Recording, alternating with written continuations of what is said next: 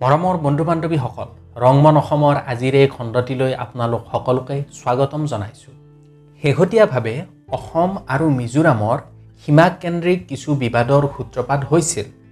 গতিকে আজিৰ এই খণ্ডটোত আমি অসম আৰু মিজোৰামৰ সীমা বিবাদ সম্পৰ্কে কিছু কথা আলোচনা কৰিম।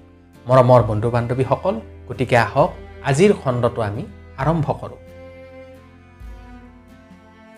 মৰমৰ বন্ধু বান্ধৱীসকল এতিয়া আহক আমি চাওঁ এই ঘটনাটো চৰ্চাৰ বিষয় কিয় হৈ পৰিল।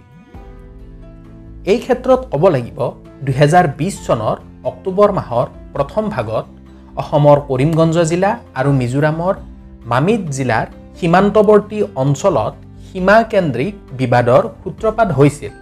ইয়াৰ কিছুদিন পিছত অসমৰ কাছাৰ জিলা আৰু মিজোৰামৰ কোলাচিব জিলাৰ সীমান্তৱৰ্তী অঞ্চলত অনুৰূপ ঘটনাৰ পুনৰাবৃত্তি হৈছিল। এই উত্তেজনাৰ ফলস্বৰূপে সীমান্তৱৰ্তী অঞ্চলটোত কিছুসংখ্যক ঘৰ দুৱাৰ আৰু দোকান পোহাৰৰ ক্ষতিসাধন হৈছিল। বৰ্তমান কেন্দ্ৰীয় গৃহ মন্ত্ৰালয়ৰ হস্তক্ষেপত অঞ্চলটোত উত্তেজনা সাম কাটিছে। মৰমৰ বন্ধু বান্ধৱীসকল এতিয়া আহক আমি চাওঁ অসম আৰু মিজোৰামৰ সীমা কেন্দ্ৰিক বিবাদৰ কাৰণটোনো কি বাৰু? অসম আৰু মিজোৰামে এশ চৌষষ্ঠি কিলোমিটাৰ দীঘল বৰ্ডাৰ শ্বেয়াৰ কৰি আছে। দুয়োখন ৰাজ্যৰ সীমা বিবাদৰ ঘটনা বহুত পুৰণি যদিও অতীতত কোনো সীমা বিবাদ কেন্দ্ৰিক অপ্ৰীতিকৰ ঘটনা সংঘটিত হোৱা নাছিল।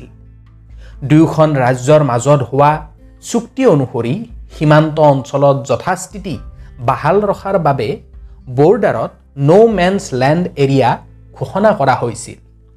কিন্তু মিজো চিভিল ছ'চাইটি গ্ৰুপৰ অভিযোগ মতে বাংলাদেশৰ পৰা অহা অবৈধ প্ৰব্ৰজনকাৰীয়ে এই অঞ্চলসমূহত অবৈধ বেদখল কৰিছে আৰু ইয়াৰ ফলত সংঘৰ্ষৰ সূত্ৰপাত হৈছে।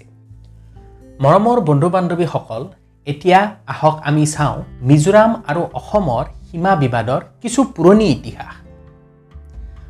আমি সকলোৱে জানো যে ভাৰত স্বাধীন হোৱাৰ সময়ত বৰ্তমানৰ অসমখন এখন বৃহত্তৰ অসম আছিল। অৰ্থাৎ বৰ্তমানৰ অসমখনৰ লগত এতিয়াৰ অৰুণাচল প্ৰদেশ নাগালেণ্ড মিজোৰাম আৰু মেঘালয় এই আটাইকেইখন ৰাজ্য লগ লাগি এক বৃহত্তৰ অসম আছিল। কিন্তু সময়ৰ লগে লগে এই ৰাজ্যসমূহ যেনে অৰুণাচল প্ৰদেশ নাগালেণ্ড মেঘালয় আৰু মিজোৰাম। এই ৰাজ্যকেইখন নতুনকৈ গঠন হ'ল আৰু তেতিয়াৰ পৰাই অসমৰ লগত এই ৰাজ্যকেইখনৰ সীমাকেন্দ্ৰিক বিবাদৰ সূত্ৰপাত হ'ল। State of Mizoram act nineteen hundred and eighty six আইন অনুসৰি ঊনৈছশ সাতাশী চনত মিজোৰাম ৰাজ্য গঠন হৈছিল আৰু তেতিয়াৰ পৰাই মিজোৰাম আৰু অসমৰ সীমাকেন্দ্ৰিক বিবাদৰ সূত্ৰপাত হৈছে। প্ৰথম অৱস্থাত মিজোৰামক অসমৰে লুচাই হিলছ অঞ্চল বুলি জনা গৈছিল। মিজোৰাম আৰু অসমৰ সীমা বিবাদৰ আন এক কাৰণ হ'ল দুখন চুক্তি।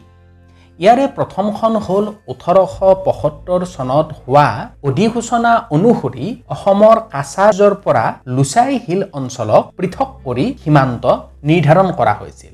আৰু ইয়াৰ পিছত ঊনৈছশ তেত্ৰিছ চনত মণিপুৰ আৰু লুচাই হিলছক পৃথক কৰি সীমান্ত নিৰ্ধাৰণ কৰা হৈছিল।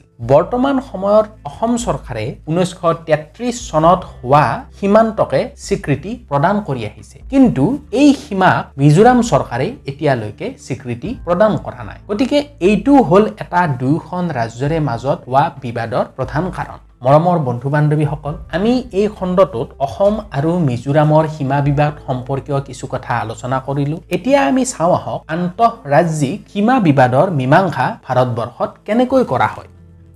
এই ক্ষেত্ৰত ক'ব লাগিব ঊনৈছশ নব্বৈ চনত ভি পি সিং চৰকাৰে আন্তঃৰাজ্য পৰিষদ গঠন কৰিছিল। এই পৰিষদ ভাৰতীয় সংবিধানৰ দুশ তেষষ্ঠি নম্বৰ অনুচ্ছেদৰ জৰিয়তে কৰা হৈছিল। এই পৰিষদৰ কাম হ'ল বিভিন্ন ৰাজ্যৰ মাজত যদি কিবা সংঘাত হয় এই সম্পৰ্কে পৰ্যালোচনা কৰা আৰু সংঘাত মীমাংসা কৰা। ইয়াৰ উপৰিও ৰাজ্য পুনৰ গঠন আইনৰ অধীনত ক্ষেত্ৰীয় পৰিষদৰো গঠন কৰা হৈছিল। লগতে ঊনৈছশ এসত্তৰ চনত পূৰ্বোত্তৰ পৰিষদৰো গঠন কৰা হৈছিল পূৰ্বোত্তৰ পৰিষদৰ প্ৰধান কাম হ'ল উত্তৰ পূৰ্বাঞ্চলৰ ৰাজ্যসমূহৰ সুৰক্ষা সুনিশ্চিত কৰা উত্তৰ পূৰ্বাঞ্চলৰ ৰাজ্যসমূহৰ বিভিন্ন সমস্যা সমাধান কৰা আৰু এই ৰাজ্যসমূহৰ মাজত একতা বৰ্তাই ৰখা। মৰমৰ বন্ধু বান্ধৱীসকল আশা কৰিছো আপোনালোকে আজিৰ এই খণ্ডটো শুনি ভাল পালে।